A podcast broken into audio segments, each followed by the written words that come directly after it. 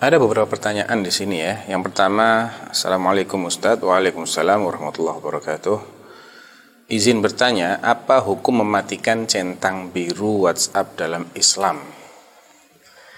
Ya, tentunya ini nggak ada hubungannya dengan uh, ajaran Islam ya, alias ini adalah perkara yang sifatnya boleh-boleh saja pada dasarnya, tidak tidak pernah dibahas oleh ulama-ulama kita di masa lalu. Dan intinya kan seseorang e, ingin membatasi komunikasi dengan pihak lain sehingga dia tidak ingin nampak selalu online e, apakah pesan-pesan yang masuk itu sudah dibaca oleh dirinya atau belum dia tidak ingin itu diketahui maka boleh-boleh saja.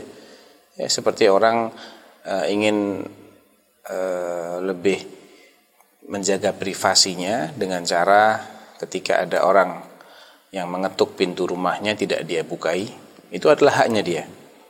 Ya, Nabi SAW mengatakan al-isti'zan salas marrat. Fa in udhina uh, falyadkhul wa illa falyarji. Minta izin itu tiga kali batasnya. Kalau diizinkan dia boleh masuk kalau enggak dia pulang. Nabi di sini sengaja membolehkan seseorang untuk tidak membukakan pintu bagi uh, orang yang mengetuk pintu rumahnya maksimal tiga kali. Dan ini artinya Islam membolehkan bahwa seseorang itu boleh saja menerima orang yang berkunjung kepadanya dan boleh juga tidak menerimanya. Itu adalah haknya dia. Jadi kesimpulannya boleh.